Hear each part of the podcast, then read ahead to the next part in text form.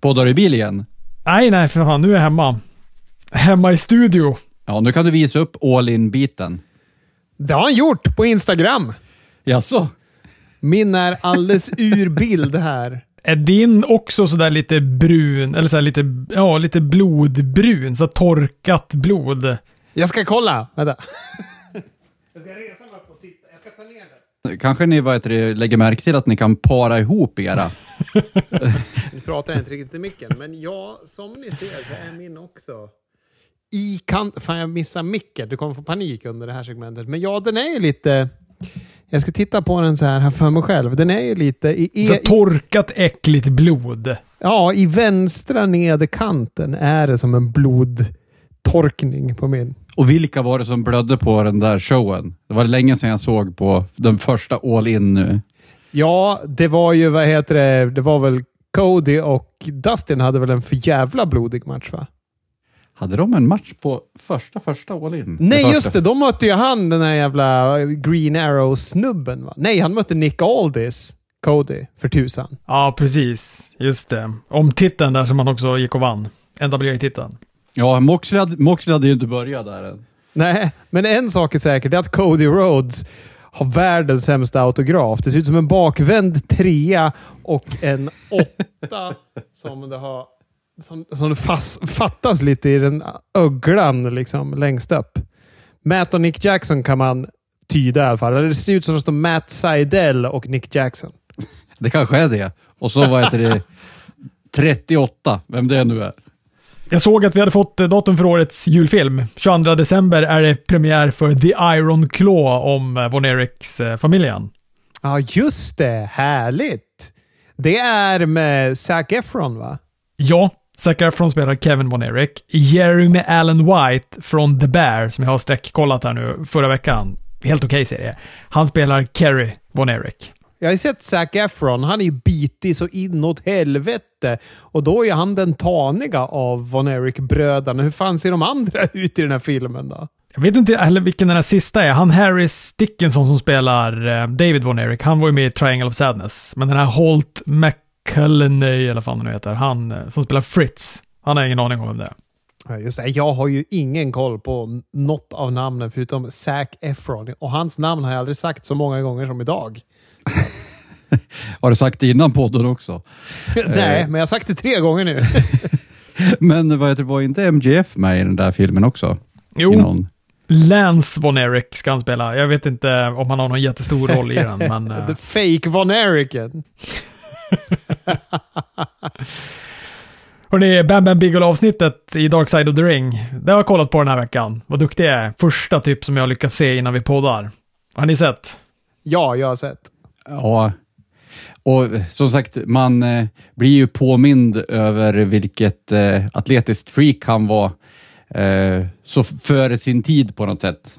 Han och Vader är väl de som man kommer ihåg som atletika, atletiska bigmens från när man var yngre, men eh, helt sjukt vad bra han var, Bam Bam Bigelow. Var ganska, även, fast, även fast det, det är ju som alla andra eh, dark side att, att de eh, får drogproblem och går bort, men, men eh, ändå ganska sådär feel good it, tycker jag. Jag blir ju glad när jag ser den, alltså den här Bam Bigelow-avsnittet och Doink-avsnittet. Det är ändå de som jag typ växte upp med. Jag har inte så mycket relation till eh, Junkyard och Adonis och de här. Äh, men, men Bam Bigelow minns jag ju med värme när jag såg honom första gången. Och hur Hoa var så entusiastisk över hans äh, atletiska förmåga. Och det var ju verkligen fascinerande att se det, för han var ju liksom stor som en klump. Och det här var ju också på en tid då ingen gjorde volter och så bara helt plötsligt säger man han gör en moonsault och man tycker det är helt sinnessjukt att han klarar av att göra det. Det sjuka tycker jag är att man ofta glömmer bort att han hade sin run innan han kom in där på Hoa-tiden. För han hade ju en run innan i WWF när han taggade med Hogan. Sen försvann han till Japan. Sen kom han tillbaka. Och när, för jag följde ju, jag började följa under tiden han var borta. Och sen så när han kom tillbaka så var han ju, det var ju, i wrestling kommer man inte ihåg något. Och de säljer ju som att det här är en helt ny person. Och ja, han var verkligen ett monster när han kom in. Men det fascinerande med Bam Bam tycker jag är att han aldrig riktigt blev så där över som han borde. Jag tror att han var för atletisk och för bra för att folk ville hata honom. Och han såg för mycket ut som en heel och ville vara en heel. Så det funkar aldrig när de gjorde honom face. Jag hade inte heller någon riktig koll på den här äh, stinten innan med Hulk Hogan och det. Och att det var också att han typ kom från ingenstans. Vad hade han varit? Typ hållit på med wrestling i ett år eller någonting. Och sen var han uppe i main eventet med Hulk Hogan. ja. Och andra brottare eh, tyckte att det var sådär. Men eh, han, eh, de pratade ju också om det när han kom tillbaka där 93, kanske 92 någon gång. Eh, att liksom Vince McMahon försökte ändå pusha upp honom till eh, den statusen han hade innan. Han gick ju när WrestleMania main eventet mot, var det Lawrence Taylor han heter? Det där har väl du bättre koll på Anders, han var väl någon amerikansk fotbollsspelare. Jo, precis. P på den bedrövliga WrestleMania 11. Japp, verkligen. Ja, det var bara, det var bara sönerna han som uppskattade den vad det verkar. men, men eh, eh, Ja, och han hade ju alltid samma gimmick kan man väl säga också. Kanske var därför som det var svårt för eh, promotorsarna också, att han liksom, genom att han hade tatuerat in eld på sitt huvud och eh, liksom, han var ju Bam Bam Bigelow vart han än tog vägen. De kunde ju liksom inte forma honom på något sätt. Eh, eh, självklart kunde de ju ändra karaktären lite, men han var ju Bam Bam eh, även utanför ringen känns det som också. Eh, många andra kan ju ta av sig sina brottarkläder och sen så är de en vanlig person. Men det kunde ju inte han. Jag blev lite ledsen när det verkar som att han var en kryddare av rang. Alltså att den här historien om att han räddade en familj ur ett brinnande hus. Det verkar ju råda lite tvivel huruvida det har hänt eller inte. Ja, men det hör till. De ska krydda lite. Ja, och sen så, sen, sen så tänkte jag på också, eh, det finns ingen annan brottare, tror jag, som jag har eh, så här, lärt mig om ett ställe eh, som jag inte visste om tidigare existerade, som Ashbury Park. Man vad heter det, är så här, eh, varje gång jag hör Asbury Park nu så tänker man så här, åh, Bam Bam Bigelow. Eh, Bruce, Bruce Springsteen han har ju en massa med Asbury Park att göra, men man, eh, så här, om det nämns någonting om Bruce Springsteen och Asbury Park, då tänker jag bara på Bam Bam Bigelow hela tiden. jag håller med. Men det är ju samma som jag brukar säga. Vilka är det som kommer från Stone Mountain, Georgia? Ja. man, man lär sig så här konstiga ställen av wrestling. Jag älskar det. Och det var Jake the Snake som kom därifrån, det var det? Jajamän, han och Apollo Creed. Nej, Apollo Creed. Det är ju för fan i Rocky. Nu Apollo Crews. Jajamän. Jag spelar för mycket Creed med min VR. Slagit mig i ansiktet så jag börjar blöda. Jag minns mest eh, Death Valley. Det var väl Undertaker som kom från Death Valley. Jag tyckte det var så fränt. Och så passande, för jag trodde att allt var shoot på den där tiden också. Så jävla fränt att han som är liksom döden, han kommer också från Death Valley. Och apropå shoot, jag var ju, när jag såg eh, Taz Bam Bam-klippet, när, han, när de åker genom mattan, det trodde alltså åker genom ringen, det trodde jag var på riktigt. Det var även underbart när Taz ska berätta hur de gjorde när de åkte genom ringen. Hur man ser hur han våndas och mår dåligt över att få bryta illusionen. Han säger det flera gånger och det tar verkligen emot att förklara att det var riggat. Det var en trapdoor. De hade ett märke på repen så de skulle veta vart de skulle kasta sig bakåt så inte Taz skulle krossa skallen. Men det är ju sånt där man vill veta ifrån uh, wrestlingdokumentärer, över hur de bygger upp matcher och sådär egentligen. När, var, när kommer den dokumentären? Det vill jag ha. Du får lyssna på podcasts. Det pratar de ju om jättemycket i alla wrestlers podcasts. Ja, fast jag vill ha, vad heter det, det gick ju någon uh, show tidigare med en maskerad magiker som avslöjade hur alla magiska tricks gick till. Det vill jag ha på wrestling också det fanns ju på 80-talet. Nu kommer jag inte ihåg vad han hette. Det var ju någon jobber som gjorde det där när han visade hur man bladade och höll på. det, oh, oh, jag önskar jag kommer ihåg vad den hette. Du får signa upp dig på uh, Starcast, Anders. Ja. Där, där kanske de kan ha en sån panel där de pratar om hur matcherna går till. Dennis Rodman är ju annonserad att han ska vara med på Starcast 6. ja. Och han kommer inte kunna berätta så mycket om hur man bygger upp en match tror jag i alla fall. Somnade inte han utanför under någon match? När han taggade med Hogan? Var inte det Mike Tyson somnade? han satt ju mest och gäspade han skulle vara gästdomare. Alltså, jag, jag vågar nästan lova att nästa veckas nostalgiska nacksving kommer ha någonting med World of Sports-brottning att göra. För jag har snöat in så otroligt mycket på gammal brittisk brottning. Jag ska inte ta något om det nu, men ja, jag kommer ta upp det någon annan gång. För det är så otroligt bra matcher från 70 80-talet där. Kul! Får man hålla utkik på YouTube-kanalen. Det är där de hamnar, de där uh, nostalgiska nacksvingen. Youtube.com slash at en podd om wrestling. Det är adressen. Jag fattar inte varför det ska vara ett at där i början. Jag försöker skriva in adressen utan det. Men tydligen har vi inte nog många prenumeranter för att få ha en sån snofsig webbadress. Så in och prenumerera för att stilla Roberts sinne. Hörni, ska vi säga någonting om uh, Death before Dishonor? Har ni kollat på den eller? Ja, jag har kollat på den. Ja, jag har kollat lite i sidan så här. Det måste ju varit Ring of Warners minst pluggade pay-per-view. Den flög ju under radarn den här. Men jag tyckte den var bra. Jag eh, gillade Gravity mot Commander. Det tyckte jag var ett buffébord av Lucha Libre-grepp. En match som Gravity vann. Åh, du är ju så konstig med dina Lucha Libre-matcher. Jag satt ju och mådde dåligt av den matchen. Och jag hatar Gravity. Jag kommer hata honom när han är på Dynamite sen också. Han kan, kan ju för fan inte brottas. Det är, jag var på cirkus med mina barn. Då såg jag den här matchen. Det var tre tonåringar från Tyskland som stod och tog tag i varandras fötter och kastade varandra bakåt. Det är Gravity mot Commander det. Men man får ju ta det för vad det är. Det är man förstår ju snabbt att det här kommer ju bara vara en... eh, Alltså att man kommer bli åksjuk av jävla grepp och volter och grejer. Då, då tycker jag att det funkar det. Det var ingen psykologi och så rättade han till masken hela tiden. Ja, nej, fan. Jag var ju däremot väldigt, eh, väldigt besviken på Samoa Joe mot eh, Dalton Castle. Det var ju den matchen jag såg mest fram emot. Alltså, inte dålig direkt, men eh, jag hade höga förväntningar på den och jag tycker inte att den eh, motsvarade de förväntningarna jag hade. Det håller jag med om också. En match som inte underlevererade däremot var ju den här tag team titelmatchen, Asia Open, Lucha Bros, Best Friends och The Kingdom. Det var en jävla pangmatch. Och kul också att Asia Open fick vinna och är då nya Ring of Warner tag team-mästare. Och jag tycker att det var så bra att det lyfte alla teamen som var i matchen. Det vart liksom... Både, ja, men, både Kingdom och Best Friends behövde det väldigt mycket och lyftes av den. Och helt plötsligt så är Lucha Bros tillbaka på AW också. Det är väl kul.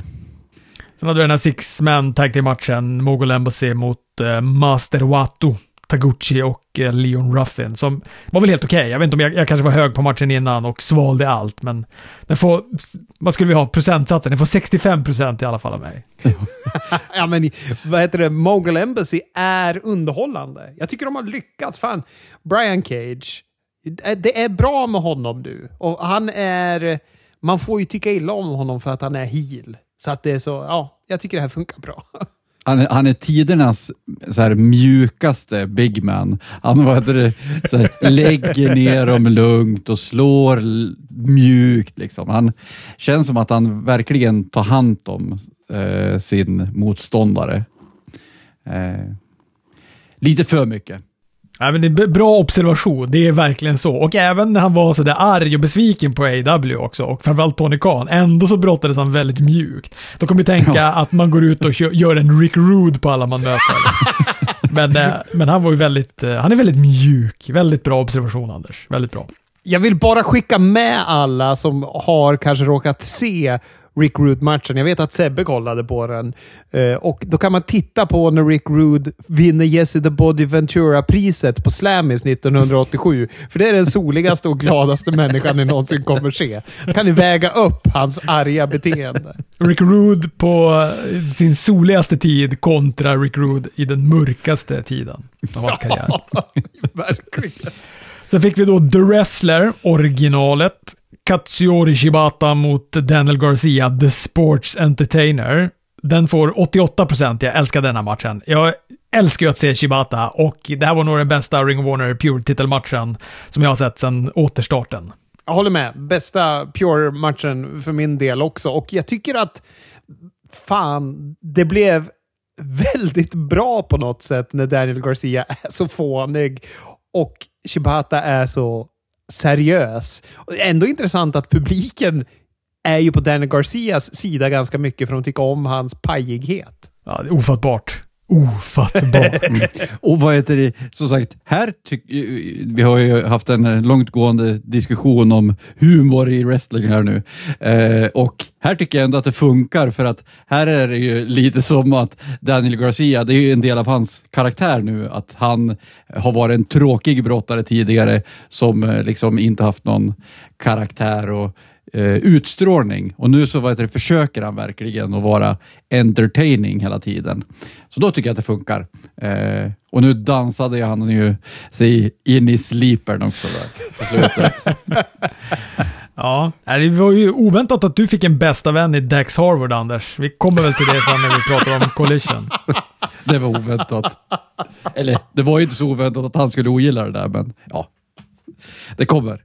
Dark Order och, eh, eller Dark Order mötte The Righteous eh, och Stu Grayson som ändå var överraskande bra tycker jag. Blodig och våldsam. Dark Order vann. Det var ju en fight without honor. Då blir det en anything goes som Kevin Patrick skulle ha sammanfattat det. Jag gillade den här matchen och den är lite som jag tycker hela galan var. För som, som du sa tidigare Robert, så känns det som att just promotionmässigt så har den inte fått någon kärlek. Men det kanske är för att man inte kollar på det här Honor Club. För, för jag hade ingen aning om att Stu Grayson hade fallit isär från Dark Order, att det var någon fade på gång där. Det kändes inte som att hoppa in i ett GCW pay-per-view. Jag har ingen aning om vad det är för upplägg, men jag uppskattar ändå att det finns upplägg som de förklarar lite snabbt innan matchen. Och det är stakes och så, så blir det en match av det. Och eh, så var det med den här matchen. Och sen så, fan, vad heter ledaren för The Righteous? Vincent. Vincent är ju kung. Kan de göra honom till någon jävla Bray Wyatt? En, en fokuserad Bray Wyatt är ju han i den här rollen. Och sen så tycker jag att det är bra att, eh, att Dark Order får eh, en lite seriösare eh, fade på något sätt. Så att de får visa sig lite hård eh, och inte vara den här skojiga sidekicksen till Hangman. Eh, tycker jag är bra. Skönt att se att Evil Uno kunde leverera igen. ja, ja, precis. Claudian Castagnoli mot Pac var toppen, också även Athena mot eh, Willow, Willow Nightingale. Båda behöll sina världsmästartitlar. Kul att de satte Athena och Willow som eh, main event också. Ja, det var en riktig kamp. 30 minuter lång var den väl också, så det var, den var bra. Eh, WWE-sidan, där hade vi ett eh, Smackdown som öppnade med en eh, ganska grötig fourway. Det var del två då i den här US-titelturneringen. Rey Mysterio, LA Knight, Sheamus och Cameron Grimes. Vi ska komma till att jag får krypa till korset angående utfallet av den här matchen, men tillåt mig att bli lite Jim Cornetsk för en sekund. Eller var det Vince Russo? Vad är Cameron Grimes karaktär. Ja, vad är hans karaktär? Jag håller med. Men det där är ju klassisk NXT-flytt till main roster. De bara, nu har du ingen karaktär längre. Men det är så, det, han hade ju jätte, jättetydlig karaktär i NXT. Och här är det bara som att de, uh, han är ingenting. Men de, å andra sidan har de inte gett honom någon tid att bygga någon karaktär på heller.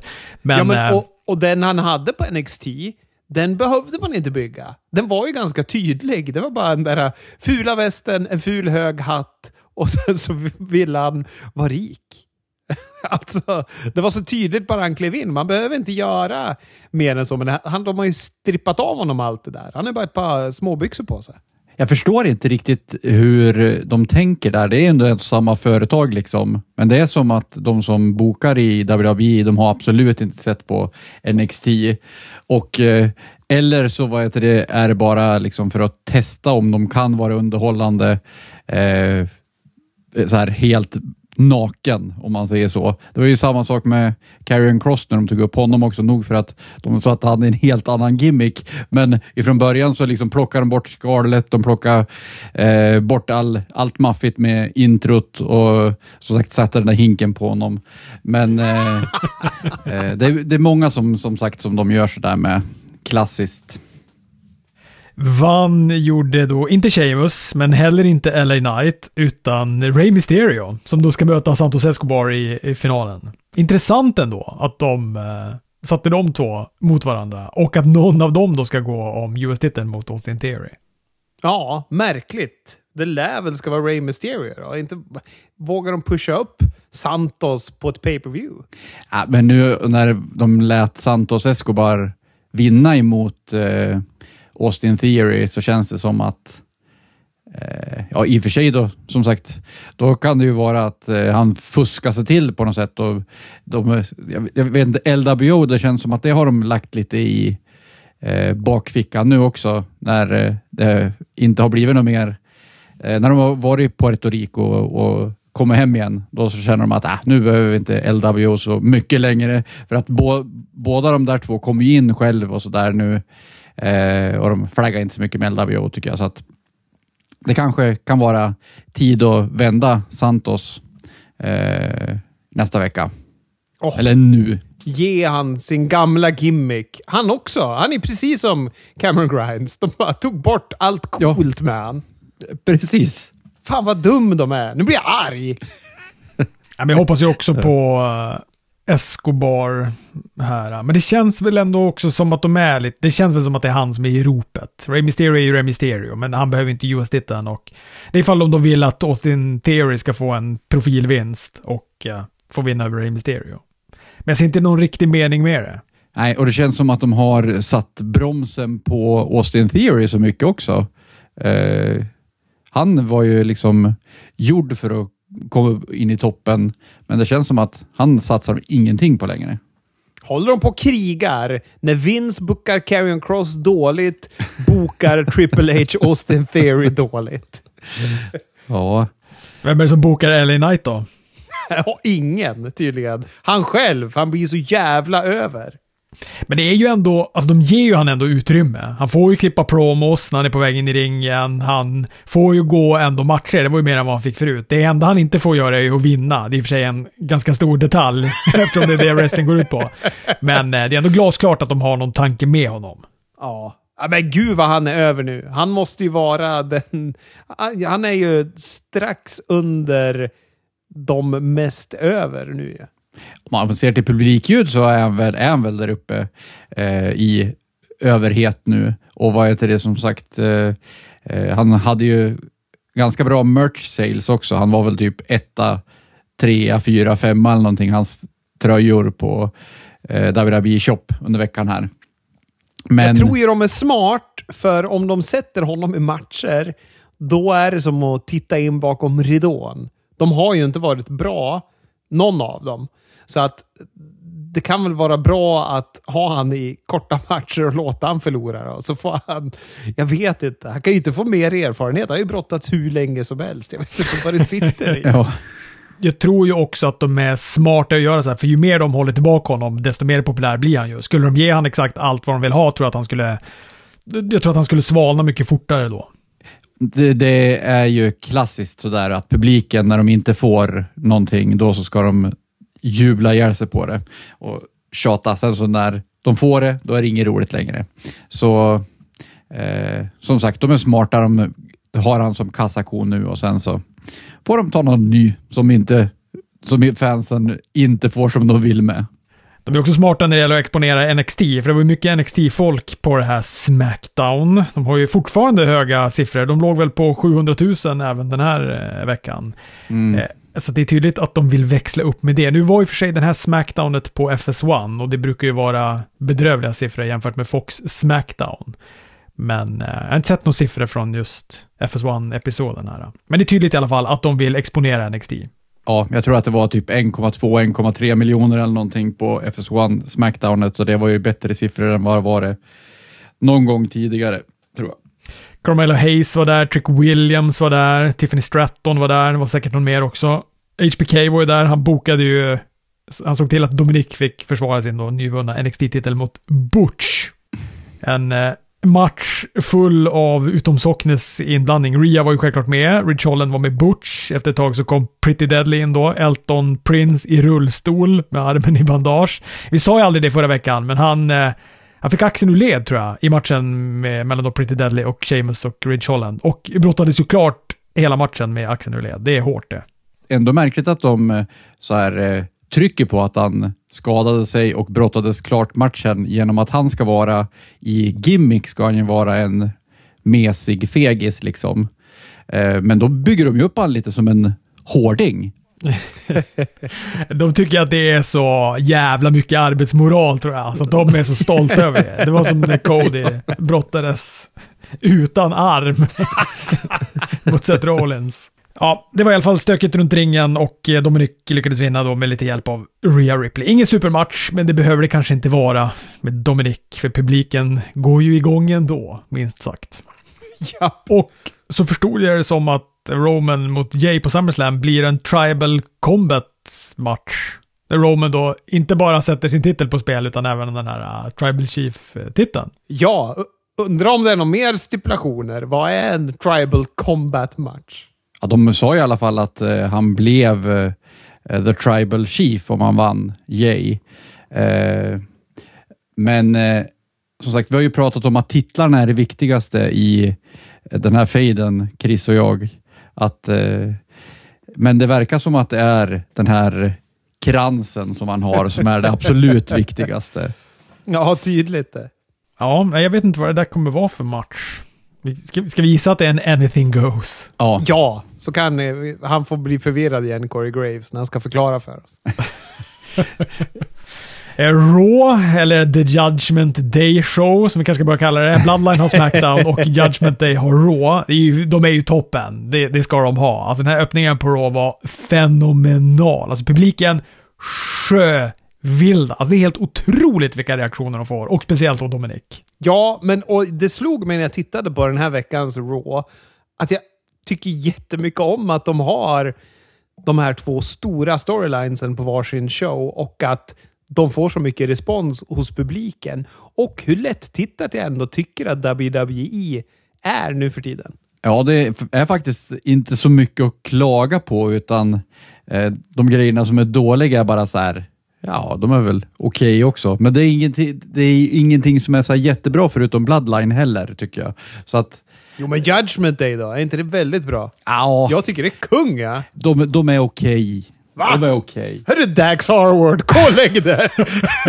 Det kommer bli kung när Finn Balor blir god och vad heter det, det blir fade dem emellan. Jag sitter här och tappar takan Anders. Jag, jag tycker Judgment är toppen. Alltså. Jag, och jag tycker det är liksom nästan behållningen på Raw nu. Alltså så här, eh, Smackdown går ju ganska friktionsfritt att titta på och jag håller med, det är lätt tittat och det är bra sådär. Men Raw brottas ju alltid med att det ska vara, alltså att det är tre timmar, att det är långt och då brukar det bli lite det brukar bli lite kämpigt där ett tag. Men eh, det här Raw tyckte jag de lyckades jätte, jättebra med. Jag tyckte det kändes luftigt och jag gillade alla matcherna och sånt där. Så att, eh, jag håller med. Jag, jag tycker att eh, fan, VVE är, de har nedförsbacke just nu. Ja, verkligen. Ja, det är härligt. Men, och jag tycker också att Finn Balor har börjat hitta sig själv väldigt bra i den här storyn och i rollen och i promosarna. Han har varit svajig, tycker jag, fram tills nu. Det enda, jag har en sak som jag kan klaga på, men vi kommer till det sen. Det inte, har inget med Judgment det att göra. Jag tycker de var toppen, som sagt. Jag hoppas verkligen de hänger titeln på Finn Balor. Alltså om den där titeln ska betyda någonting, häng den på det hetaste ni har, det vill säga Judgment Day. Jag hoppas att Triple H har kurage nog att kunna kors, kurs korrigera det där. Jag menar, Seth Rollins kan ju bli mästare sen igen, om han nu prompt måste vara mästare. Men det måste väl bli så att de som sagt bryter upp Judgment Day på något sätt. Hela den här cash-in-grejen kommer ju vara eh, trubbel för... Eh, så- som sagt, någon av Damien Priest och Finn Balor kommer ju törna, men nu från att det har varit tidigare att eh, Damien Priest ska vara den som blir god så har det ju vänt lite grann nu. Nu känns det väl som att Finn Balor är den enda som kan bli god av de där. Jag säger som jag sa förra veckan, han kommer ju bli face och tillbaka till The Demon och ha den där världsmästartiteln. Men som sagt, han behöver inte, behöver inte bli de- Demon igen. Han klarar sig bra som Finn Balor bara. Han ska bli Demon. Ja, Vince kommer ju vilja det i och för sig. Heja Vince. Det var mycket bygge för SummerSlam annars då på Raw, såklart. Många matcher, eller alla matcher är så gott som eh, klara nu. Becky vann över Zoe Stark, som hade stipulationen att om Becky vinner så får hon en returmatch mot Trish Stratus. Om hon förlorar måste hon tatuera in “Thank you Trish”. Så dumt. Ja, men det var en riktigt bra match det här, tycker jag. Zoe Stark, hon... Eh, Vince Russos misstycke eh, emot så vad heter, det, har hon blivit... Eh, jag gillar henne skarpt alltså. Hon är ju riktigt bra brottare och det känns liksom li- på riktigt på något sätt när hon håller på. Ja, jag tycker också jättemycket om henne. Jag har gjort det sedan NXT-tiden. Hon är toppen. Ja. Jätte, jättebra match, håller med. Och kul också att de började med den här. Alltså att det öppnade Raw med... Eller det var i alla fall första match. De öppnade ju med Judgment Day, men första matchen. Cody körde en promo på Brock. Han är redo för SummerSlam. Ricochet hade en promo där han Nu- utmanade Logan Nu Paul. hatar jag. Ja. Fy fan vad dålig Ricochet är. Alltså, gud. Alltså, det, det, pff, jag hittar inte ens ord. Titta i hans ögon när han kör den här promon. Det finns ingen glöd. Det finns ingenting. Han leker wrestlare. Sen så kommer Logan Paul in och sänker honom bakifrån. Och där finns det glöd och närvaro och allting i ögonen. Sen så, ah, nej. Ja, över till dig Robert. Nu har jag fått gnälla lite. Jag tänker också bara på den här tiden, som, kommer du ihåg när han höll på att surra om att han var en superhjälte och sånt där? Ricochet. Ja. Och man hatade honom för att han höll på så. Och så tänker jag så här, han borde väl ändå så här kollat på sina grejer och så här reflekterat lite grann. Vad kan jag göra bättre? Kanske ska jag försöka bättra på mina promos lite, inte prata om att jag är en superhjälte. Nej, absolut. Han pratar inte om att han är en jävla superhjälte nu och det är väl för väl. Men han är riktigt, riktigt risig när det gäller att prata. Det finns ju ingen... Eh, det är som att han läser en busstidtabell. Det finns ju ingen inlevelse alls i det han säger. Man känner ingenting för honom. Logan Paul börjar streama på TikTok eller något sånt där samtidigt som han då pratar in i, eh, som han då pratar om att han accepterar den här matchen mot Ricochet. Och det känns jävla mycket mer spännande än det Ricochet har lyckats kläcka ut sig innan. Ja, nej, det var... Ja, gud. Jag undrar liksom vad han får för notes av den som har producerat segmentet sen Ricochet. Tänk på det här till nästa gång. Undra vad de säger. Ja, fy fan.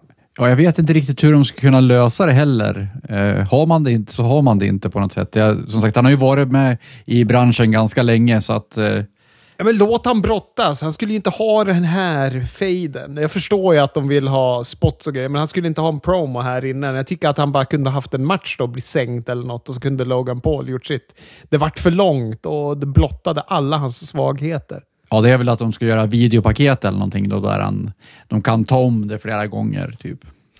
Ja, nej jag vet inte, de får väl hänga på någon manager på honom eller något sånt där. Men han skulle också behöva en annan karaktär då. Han kan väl vara sin, eh, vad heter han i eh, Lucha, Anders? Prince Puma. Prince Puma, just det. Ja, jag vet inte. Kan det vara någonting? På med en maskjävel och håll käften och så får du en eh, manager istället. På med en mask! Eh, vad hade vi mer då? Ja, men Dominic Mysterio mot Sami Zayn om Dominics North American-titel var bra. Eh, Kevin Owens eh, blev påhoppad av Priest och Rhea Ripley under den här matchen, så Sami blev distraherad och eh, förlorade på en roll-up. Owens sålde sitt revben. Han är väl shoot skadad. Jag vet inte om det är revbenet som är skadat, men det var det han sålde här i alla fall. Både han och eh, Liv Morgan och Liv Morgan skadades ju också av Rhea Ripley på det här rået. Just det. Hon, hon eh, work-skadade en shoot-skada. Japp. Klassiskt wrestling. Sen var jag väldigt förtjust i eh, Champa mot eh, Bronson Reed. Den här gången så spatserade ju Nakamura in då under matchen, så Champa tappade fokus och förlorade på en tsunami. Men eh, det känns väl som att de bullar upp för en eh, three-way där på SummerSlam kanske. Champa, Bronson och eh, Nakamura. Finns den på pre-showen då eller? För det här är så otroligt bortklippt varje vecka jag tittar på YouTube. Ja, förmodligen då ifall det, ifall det är så. så här. Nu, nu har de väl inga matcher på pre-showen längre. Nej, de har väl inte det. Då är väl det här en vanlig jävla tv-match nästa vecka istället då. Tyvärr. Ja, och, och som sagt, jag, jag vet inte riktigt. Eh, Nakamura eh, igen som heel eller face eller vad han nu är. Han är ju tweener, men han är bara ointressant känner jag ändå. Eh, jag gillar ju Nakamura. Jag vill så mycket mer med han, men de har tappat bort han. Här får man ju också återigen då att man ska gravitera bak till NXT-tiden. Men där var han ju toppen, men sen han satte sin fot på main roster har han ju inte varit ens i närheten av vad han var. Men till skillnad från Kota Ibushi gick det två år och eh, för Nakamura tog det 24 timmar. Ja, men på main roster har han ju typ varit som eh, Seth Rollins. Han har varit sin låt eh, ett tag. Men som sagt, han har inte haft så mycket maffiga fejder, det tycker jag inte. Nej, och jag är orättvis. Eh, Kota Ibushi brottades ju inte, han gick ju bara, krälade ju bara omkring. Han hade väl lagt ut någon, eh, något, eh, var det du som skickade det Anders till mig? Där han, eh, han förklarade varför, varför han hade varit så dålig. Och det, det gjorde ont med glas och thumbtacks och allting, eller vad var han skrev? Han hade tunna sulor. Ja, just det. Så var det också. Ja, nej, och vad är det, som sagt, eh, jag tycker att Nakamura är väldigt kapabel i ringen, men det är bara att de begränsar ju honom så mycket så att han får ju aldrig vara så där som han kan vara. Är han tokbegränsad sen han höll på att döda John Cena eller? Ja, det, det, det kan man nog bli. Han suplexade ju honom och, så han landade på nacken där någon gång. Ja, ja, vi fick också en tätt i ringen mellan Drew McIntyre och Gunter med tillhörande Imperium som jag tycker vi kan eh, lyfta. Eh, Gunter accepterade ju den här matchen på SummerSlam och eh, ah, Drew pratade om att han skulle ha vunnit på WrestleMania. Bla, bla, bla. Ludwig Kaiser, som är otrolig när han pratar, jag älskar karln. Han kunde inte stå där och höra på hur Drews höra på Drews respektlösa glosor om Gunter, vilket då fick han i en match eh, mot Drew, som jag också tyckte var riktigt, riktigt bra. Ja, gud ja. Men det är ju två kapabla brottare. Fan. Man ser fram emot Gunther mot Drew. Det kommer bli så himla fint att få se det igen. Eller igen. Det var ju Gunther och Seamus jag fick förra gången. Va? Det blir fint att få se en, en ny från de brittiska öarna ta an den här tyska innovationen. Jag vet inte ens vad jag säger längre. På Mania fick du väl alla tre i alla fall i samma match? Ja. Men eh, det är ju frågan om, jag var väl lite sådär uh, att jag tror att Drew McIntyre kommer ta titeln av uh, Gunter. Men det pratas ju om att han inte har förlängt det där kontraktet. Så då kanske det inte, kanske man inte ska vara så säker på det. Eller man, jag kanske inte ska vara så säker på det. Nej, och som sagt, det, är ju det här Honky Tonk Man-rekordet som ska klås och eh, det är väl efter SummerSlam. Så eh, vill de ha Honky Tonk som sitt interkontinentala ansikte utåt eller ska det vara Gunta? Alla har rekord. Alla har rekord. Men liksom mer liksom mer häpnadsväckande om någon inte har ett rekord. Ja, och sen så där radera historien också. Är det inte lite roligt att ha något rekord som är sådär gammalt klassiskt på något sätt? Nu har de ju i och för sig San Martino-rekordet. Det kommer de väl, ja som sagt, jag tror ju inte att Roman kommer hålla titeln så länge, men, men eh, som sagt, man vill ju ha lite sådär episka rekord som ligger och gottar på sig. Eh, Drew vann den matchen i alla fall och Gunter hoppade på Drew efteråt fram till att Matt Riddle kom in och eh, han var inte så mycket till hjälp, Matt Riddle, för han fick också... han fick, han fick stryka Ganska snabbt tog de ut han också. och sen så skulle då eh, Drew, eh, eller Gunter skulle sätta Drew genom bordet, men då pignade Drew till och drog Gunter genom kommentatorsbordet med en powerbomb istället ja, han landade lite halv oskönt, eh, Gunther tyckte jag, i bordet där också när han gick igenom. Landade lite mycket på nacke, men eh, eh, som sagt att eh, Drew ser stark ut nu. Betyder det att Gunther kommer se stark ut nästa vecka och att Drew vinner på SummerSlam eller kommer det vara Drew som ser stark ut även nästa vecka och då betyder det att Gunther vinner? Nej, jag vet inte, men Gunther kommer vinna på SummerSlam. Bort med Honky Tonk Man. och sen hade vi en kontraktskrivning mellan Seth Rollins och Finn Balor som avslutade. Det var det. Ni vet vad jag tycker om de här kontraktskrivningarna. Men det var ett bra eh, råd det här. Jag var väldigt, väldigt nöjd med det. Lätt tittat, som sagt. Lätt tittad grå massa. Lätt tittat var det ju med Rampage också, AW. Det var ju bara den här jävla Rampage Battle Royalen. Vad heter den? Royal Rampage Battle Royal. The Royal Rampage. Just det, två ringar i, jag tyckte det var toppen. Det är en av de bättre Battle Royals när jag har sett det här. Två ringar gör ju att det blir väldigt luftigt. Jag tyckte också att det var ett bra tempo. Det var inte så mycket dödtid som det lätt kan bli i sådana här eh, Battle Royals. Battle Royals. Men här måste ju din veckas hat moment vara. Om mitt var Ricochet så måste ju ditt vara Butcher. ja, för att han eh, kastade ut eh, Minori Suzuki ja. Ja. Ja, det var bedrövligt. Jag blev jävligt glad när Minori Suzuki kom in. Jag hade inte alls koll på att han skulle vara där överhuvudtaget. Men det är konstigt, konstig användning av honom, va? Att de kommer in och så låter de honom slänga ut han eh, som typ nummer två eller någonting. Två eller tre eller något åkte han ju ut. Vad, vad har de han där för ens? Ja, men det är också det är en gammal man, Minori Suzuki. Så det, är, det, kanske var, det kanske var han själv som bara, jag kan komma men det är liksom max tre och en halv minut. Sen får ni, sen får ni skicka ut mig. Ja. Är han inte jämnårig med Jericho? ja, jag sa ju det, en gammal man. Ja, exakt. Han kanske inte är det. Jag har för mig att kolla det där tidigare. Men visst vet ni att QT Marshall är typ så här fem år yngre än vad jag är? Han är typ så här 35 eller någonting. Och gud, Cutie Marshall, han gick ju värsta superblodiga matchen mot Penta på Triple Mania. De gick ju en ambulance match där QT Marshall vann dessutom. Va? Och vad heter det? Ja, och det här var en match som han var tvungen att fråga om lov från Tony Khan för den skulle vara så brutal och blodig. Och Tony Khan sa till QT Marshall då att den här matchen hade inte jag släppt iväg någon på överhuvudtaget. För det är så stor risk liksom att man blir skadad. Nu förstår jag inte varför Penta och han kanske måste för att han har kontrakt med AAA. Det vet jag inte. Men eh, QT Marshall då, han sa, då sa Tony Khan till QT Marshall, men vi vet ju både du och jag att folk hatar dig på Twitter av helt fel anledningar. Folk hatar dig bara för att de vill hata dig. De har inte fattat att du är duktig och bra. Du behöver den här matchen, så du får gå den. Och nu älskar alla honom. Nej. Jag började gilla honom lite mer. Jag, äntligen lyckades jag hitta den här The Wrestler, A QT Marshall Story. Den, det, jag tror att den är från 2017 eller 2018 eller något sånt där. Det har pratats om den tidigare. Men, eh, och att, att man ska liksom få, ja man får liksom hela QT Marshall-storyn och sådär. Och, och att man vurmar för honom för att han verkar vara så sympatisk och snäll och sådär.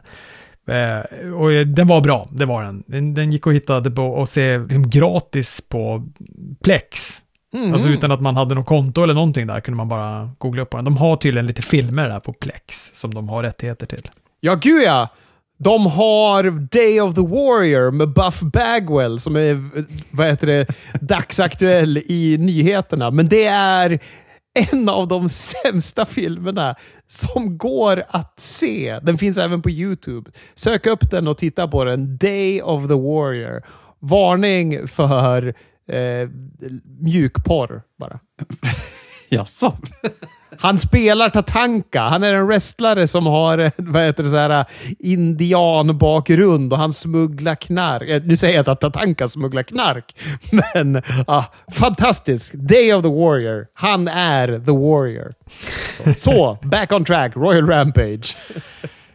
Eh, Big Bill fick mycket utrymme, det gillade vi, vi höll på att säga, men jag i alla fall. Jag är ju förtjust i honom. Klubban var ju för sig med och det gjorde mig lite arg, men eh, han var bra i den här Battle Royalen. Han gör ju sig bra i en Battle Royale. Och, eh, jag pratade om det tidigare, AW är fullt av små brottare, vilket också är en fördel för Big Bill.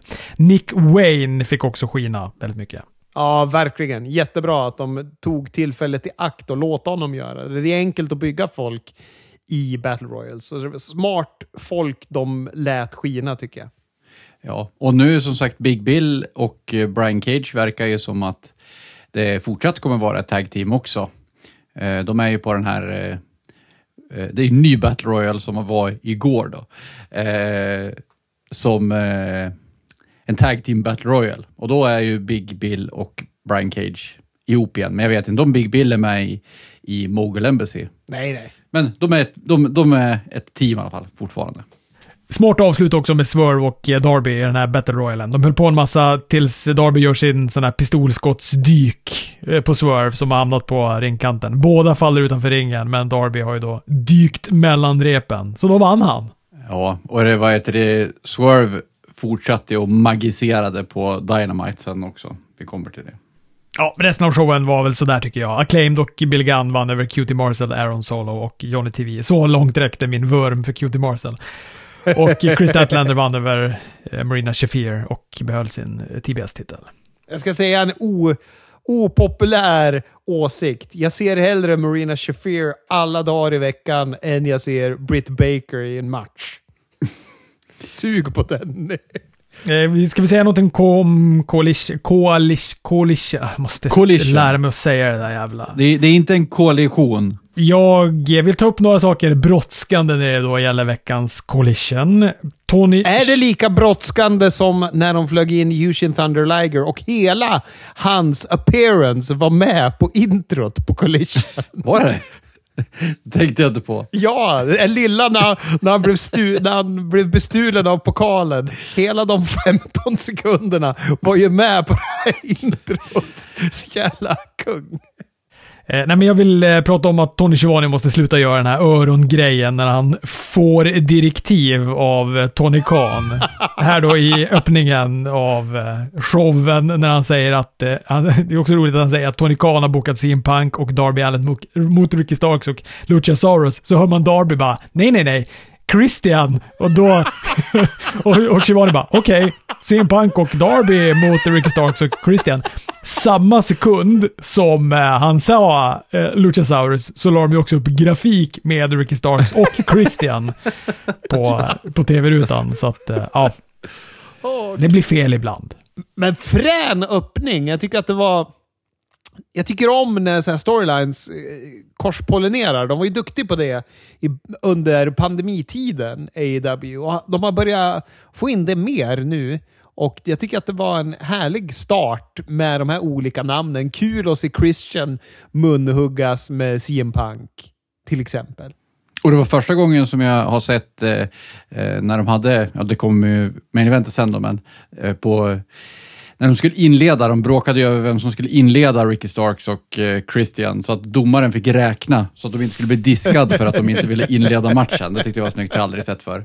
Nej, men det var väl en, eh, var väl en, eh, blev en bra, ett bra main event eh, det där. Jag gillade det jättemycket. Jag gillar ju att de får så mycket tid. Jag har läst att folk var lite, ja, tycker jag kanske att det inte var så bra match det där. Att de kanske inte höll för den här halvtimman main event de fick. Men jag gillar att de gör så med Collision. För att det känns som att då... Alltså att man ger mycket tid till main eventet. Då känns det verkligen som att main eventet spelar roll. Sen absolut, det är klart att man ska ha brottare som håller för de där jävla 30 minuterna. Men jag tycker att de gjorde det. Jag tyckte att det här var en bra match. Jag gillar att Punk... Jag gillar hur Punk för sig när han tvingas till att vara en tweener. Ja, gud ja. Men jag är med dig också på hela resan. Jag tycker att det här var en, en habil match. Alltså det var ju ingen toppmatch och så, men jag var underhållen under hela tiden och eh, tyckte det var bra. Och Starks också vinner även den här gången med en näverep. Jag gillar att det är liksom hans gimmick, du, att han vinner med en näverep. Han får hitta på någonting annat. Jag förstår att det är så här whatever it takes eh, gimmicken han har, men eh, han kanske får hitta på någonting annat än repen i framtiden. Men vi fick ju också se gripande scener när Daddy Ass Billy Gunn snurrar av sig skorna och lämnar dem i mitten av ringen efter att Acclaimed och Billy Gunn förlorat en trios tag match mot eh, House of Black. Lägger han av eller är det, finns det en vinkel på det hela? Jag tror han lägger av. Det har ju eh, även eh, hans söner var ju och tackade honom på Twitter och sådär efter det här. Eh, och hans fru la upp bilder på Billy Gunnan, gosa med sin katt eller hund eller vad det var. Eh, och vad heter det, skrev om att det var livet som, som retired. Eh, men som sagt, det är hans inre krets som skriver och tackar och sådär. Så det kan ju fortfarande vara en gimmick-grej såklart, en angle. Eh, Malachi viskade ju någonting i örat på honom innan han började ta av sig sina skor. Eh, så att det kan ju vara att han sådde ett frö någonstans i huvudet där på honom. Men jag tror inte att det känns inte som att Billy Gunn passar in riktigt i House of Black. Oväntat om han går till House of Black. Finns det någon som har en mindre dödsmetall-aura än Billy Gunn?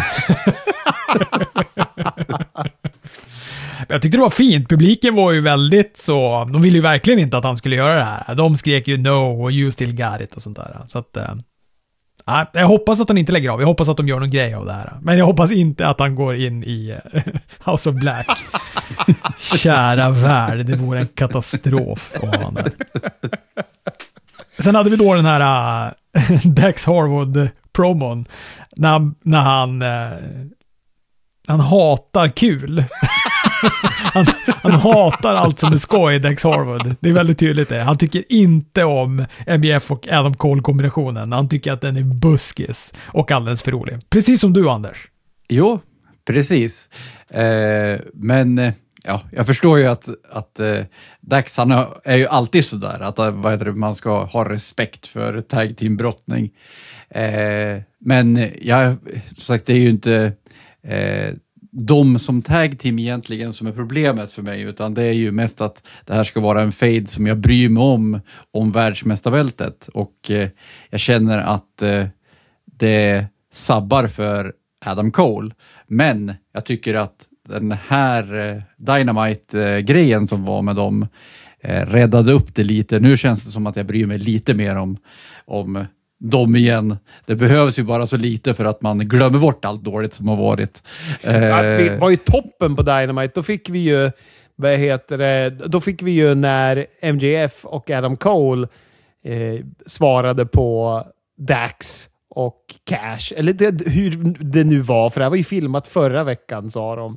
Och, och så vidare. Men sen, jag tycker att MGF gjorde en bra och seriös promo. Sen så kom ju Roderick Strong in efteråt. Eh, för MGF säger att ja, men, hur det än går så kommer du få möta mig om bältet igen, för det betyder ju så mycket. Då blir Adam Cole glad. Då kommer ju Roderick Strong in och tycker vad fan sysslar du med? Han håller ju bara på att utnyttja dig och bla bla bla. Och då är det helt plötsligt Roderick Strong som inte kan med boundaries. Så att Adam Cole blir sur och går därifrån. Ja, men det var, det var bra att det var en eh, lite seriösare vinkel. Eh, då, eh, det, det, det värmer hos mig. Eh, sen så eh, känner jag ju lite att eh, nu börjar de ju bygga upp så att man ska få lite sympati för MJF framöver. Så det kan nog vara Adam Cole som törnar i slutändan. Det hoppas jag, för att Adam Cole är kung som heel. Men har det längre hållbarhetsdatum det här nu då? Vi pratade ju förra veckan om att det här var max två veckor kvar på eh, Adam Cole och MJF-kombinationen. Tror vi att de kommer rida längre på det här? Jag hoppas det. Kan de rida till... De måste nästa... Det måste ju få en... Ja, vad fan. Jag vet inte när själva turnen kommer. Det är så underligt med deras pay-per-views och sen så nu blir det ju all in och all out efter varann. Hur fan ska de bygga det här? Ja, och vad heter det, när ska de börja bygga? För att de har ju inte presenterat en match än. Inte någonting för all out, ingenting för all in. Ja, nu all out då i och för sig hade ju Darby emot eh, ja, Orange Cassidy, antar vi väl att det är. Eller nej, vem är det han ska möta? TNT? Mox eh, blir det väl mot Orange Cassidy, tänker jag. Men eh, v- den här eh, eh, Darby vann ju den här Royal Rampagen. Att han vann TNT, det är ju en TNT-titelmatch mot eh, Luchasaurus blir det då. Ja, just det, det blir Luchasaurus då ja. Just det, det är den då som är bokad. Eller mot Christian Cage kanske. Ja, Men som sagt, det är vad heter det, en månad bort och man, det ska vara två pay-per-views och det finns inte eh, någon match som är så här superklart officiell. det är också Wembley Stadium. Liksom, jag har skyhöga förväntningar. De får fan... Jag börjar, bli lite, jag börjar bli lite orolig att vi inte har något kort till Wembley. Jag, Vi kommer ju ha Pack mot Cesaro på Wembley. Tror du? Ja, vad heter Ja. det? Jag misstänker nästan att det kommer bli eh, en trios, tre stycken trios. BCC, eh, Best Friends och eh, eh, Death Triangle. Men eh, eh, det är nästan så att jag börjar tro att eh, Tony Khan medvetet håller tillbaka alla ma- Det är klart att han medvetet håller tillbaka alla matcher, annars skulle han ju ha bokat och visat upp någonting. Men det, vad heter det, eh, att han eh, håller tillbaka att annonsera matcher för att han sen ska kunna säga att eh, vi sålde fler än 80 000 biljetter som är WWE-rekordet utan att vi har annonsat en match. För att då så ser, då är det så här AEW Då är det är- varumärket. Precis. AW är så himla stort så att eh, det är en win för oss om vi inte har en match bokad ens. Smart där. Det ligger nog mycket i det du säger. Men jag hoppas ju att vi får eh, Orange Cassidy mot eh, Mox. För jag kan, alltså när jag såg, det var ju öppningsmatchen var ju Orange Cassidy mötte ju AR Fox. där... Eh, Dynamite är vi över till, bara så ni vet. Ja, precis. Dynamite då öppnade med AR Fox mot Orange Cassidy. Som också var, jag tyckte det var snyggt, vi fick en liten story om hur eh, AR Fox hade hjälpt Darby och så vidare. Och jag tyckte det här var en kanonmatch. Jag tyckte också publiken var duktiga på att hålla två bollar i luften samtidigt. De hejade på båda. Det var ju, eh, det var ju två good guys mot varandra, så här långt i alla fall. Orange eh, Cassidy vann ju och sen så gav han solbrillorna till Fox som knycklade ihop dem och sen tog han ut Orange med en högerkrok.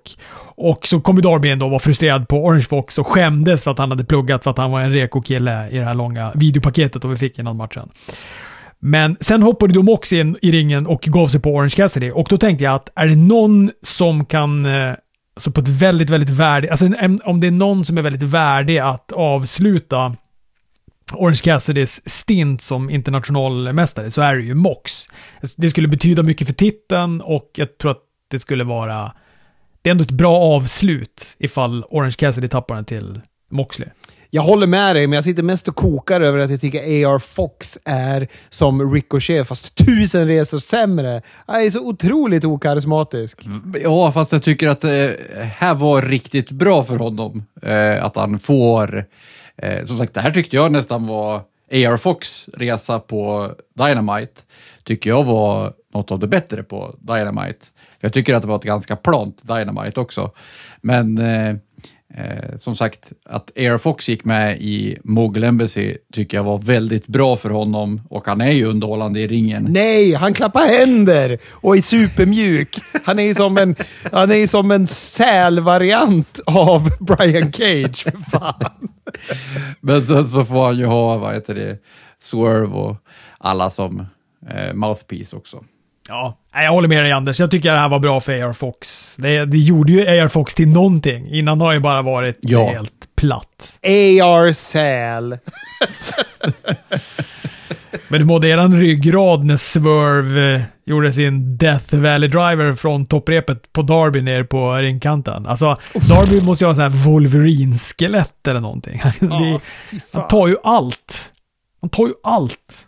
Och det, vad heter det var ju också ett, en bump på apronen. Det var ju sånt där som man behövde få godkänt eh, ifrån en agent tror jag, för de var ju med på den här bannade listan. Men eh, vad heter det, bra match. Fan. Darby mot Swerve. De två känner varandra och kan leverera utan dess like. Fan, Swerve, vilken jävla stjärna han är. Vi säger det så ofta, men även Darby. Det där är ju två de kan bygga på i många år framåt. Om de inte sliter sönder sig själv. Ja, det är väl det som är faran med Darby kanske, att han går sönder helt och hållet. Eh, och han har väl sagt också att han kanske inte kommer hålla på med wrestling så länge. Men vi får väl se. Jag hoppas att han håller sig hel. Vad tyckte ni om den uteblivna poppen för Jerry Lynn då, när han kom in mot Jack Perry? Märkligt. Han fick ju knappt något liksom respons alls, Jerry Lynn. Jag fattar ingenting av det där. Det hade väl varit rimligt om det var Taz som kom in och hade det här snacket med eh, Jack Perry. Men och vad ska de möta varandra nästa vecka eller? Är det en match de ska gå? Ja, de kommer nog gå en match, det tror jag. Och sen så jag, kommer det sluta med att Taz stryper ut han på något vis. Ja, men vad heter det? Jerry Lynn, han kan väl inte brottas? Han är det ryggen som är helt körd för han, eller vad är det? Ja, men väl... alla brottare kan ju inte brottas. Och sen brottas de ändå. Nu ska jag gå in på Wikipedia och kolla om han får brottas. Vänta, jag måste in och skriva att han inte kan brottas.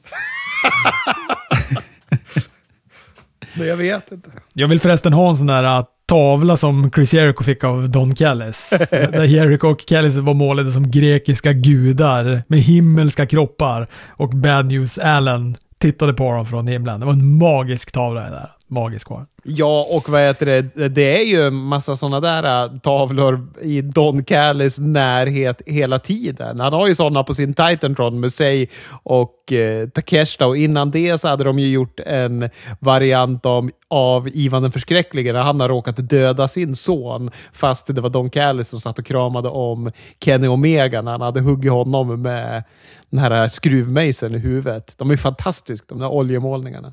Är det samma konstnär som eh, Kevin Owens och eh, Jericho hade i WWE eller? Han är så bra Don Callis, alltså det här psykologiska spelet han håller på med. Jag älskar det. Att han lurar in Jericho i den här matchen mot eh, Sammy Guevara och eh, Daniel Garcia. Han säger att du ska få en, han bokar ju han i en tag team match eh, eh med Takeshita. Och som han är så här, ah, du behöver inte om du inte vill, men du vet, Takeshita är ju ändå han är, han är det nya heta. Och så bara, ja men det är klart jag ska gå en tag match med Takeshita. Och sen då berättar han då att det är mot eh, Sammy Guevara och eh, Daniel Garcia.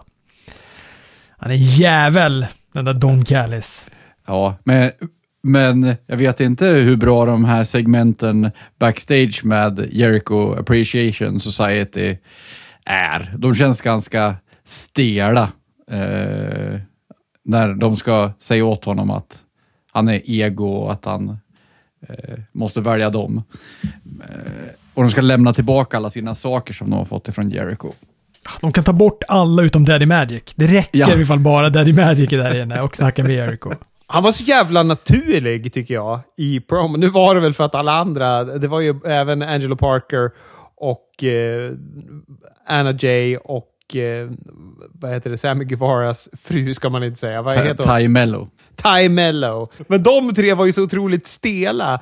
Men eh, Matt Menard var ju magisk, som han är. Eh, Ty Valkyrie och Britt Baker, de kämpade på i en match som var ganska så stökig. De hade lite svårt att hitta varandra. Men var, Alltså här, jag tittade om på, vad heter det, jag tittar ju på så mycket konstigt nu. Jag tittade om när Goldberg och Undertaker mötte varandra i Saudiarabien. Och den blicken som Undertaker har när han bara Alltså det här är det sämsta som har hänt i hela mitt liv. Vad är det här för skit? Den blicken hade ju Taya Valkyrie tusen gånger i den här matchen. När det vart osynk. Och i- Taya Valkyrie har ju fått mycket skit på sociala medier efter det här. Men jag tycker fan Britt Baker var sänket i matchen.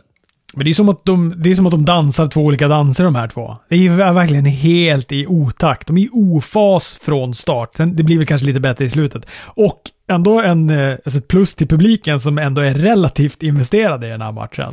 Ja, Det- verkligen. Förut, förutom den där personen då som höll upp den där skylten. eh, att de skulle boka eh, kvinnodivisionen bättre. Och bildproducenten, bildproducenten, han vad heter det, borde få örfilar.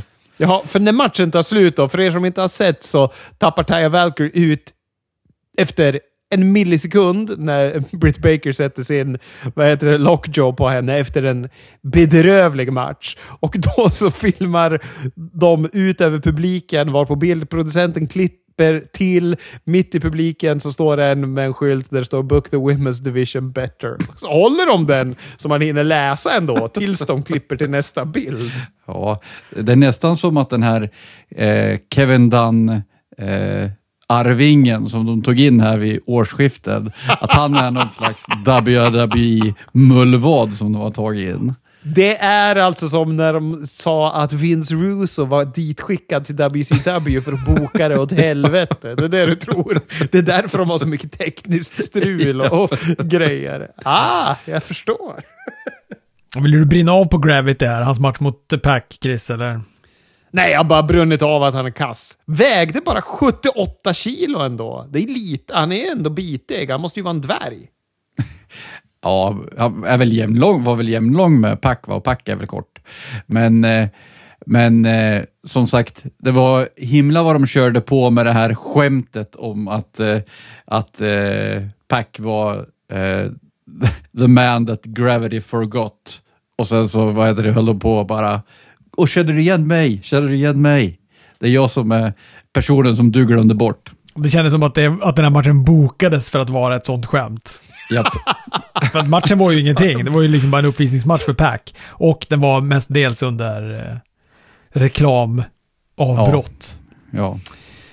Ja, ja. Main eventet eh, var en trevägs match. Lucha Bros, Claudio och Mox och Best Friends. Jag tyckte det var en eh, bra match. Den var fylld med fart och fläkt. Mox och Claudio skulle väl egentligen avsluta Trent Beretta när Orange Cassidy då stegade in och eh, gav sig på Mox. Och Trent lyckades då vända Claudio och sätta han i en, vad kallar han den, crunchy, den här back to belly piledriven. Men Claudio då inte den regelrätta brottaren att pinna. På något sätt har Paul Turner lyckats hålla koll på det, vilket är imponerande. Det var ju liksom kroppar överallt i 20 minuter i den här matchen. Så att Lucha Bros tar ut Trent Beretta med en fear factor och eh, vinner den matchen.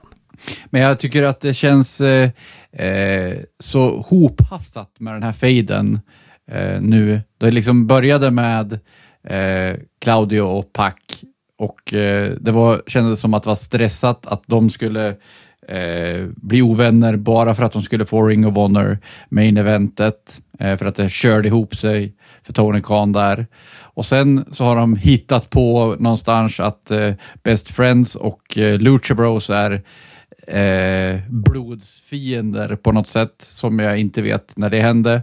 Eh, så jag vet inte, jag har liksom ingenting, eh, man känner ingenting och det är ett problem. Fast jag känner för Pack och Cesaro. Jag tycker den fejden är ganska bra och jag tycker att Orange Cassidy mot Mox är jättebra, likt det Robert sa tidigare. Och det är väl det som är Best Friends del i det här, känns det som på något vis. Så jag är faktiskt helt okej okay med båda de här storiesarna. Och de håller ju eh, ifrån varandra lite grann än så länge. Nu kommer, nästa vecka kommer det väl vara, var det Mox, Trent och Penta eller någonting. Ja, precis. Tony Khan eh, snabbbokade ju Mox, Trent och eh, Penta i en Anything Goes till nästa vecka under eftertexterna. Ja, precis. Så, och det, då, det kanske betyder då att eh, det kommer vara Mox mot Orange eh, om bältet på någon av de här två eh, genom att de ska fylla upp två shower. Så jag vet ju inte vilket, vilken show du hamnar på. Hörni, det finns ju en liten tag team-turnering som vi ska ha i en podd om wrestling. Vi har fått in fina bidrag på vilka era favorit tag teams genom tiderna är. Passa på att gå in och kika på vår Facebook. Vi kanske ska skriva det även i kommentarerna på det här avsnittet, hur man kan skicka det via Sprend-filer om man inte vill skicka via Messenger till oss. Vi vill att man filmar när man presenterar vilket team man har valt. Man behöver inte säga så mycket mer än vilket team det är. Men det börjar fyllas upp i våra brackets med, så vi kan köra igång den här tag team-turneringen. Och man kan ju vinna sån här fint merch. Nu pekar jag på min mikrofon. Man kan inte vinna en mikrofon ifrån vår merch-shop, men vi har saker med den här loggan på där. Um, så in och berätta vad ni tycker om för tag teamet. Jo, ja. Jo, detta om detta. Vi hörs.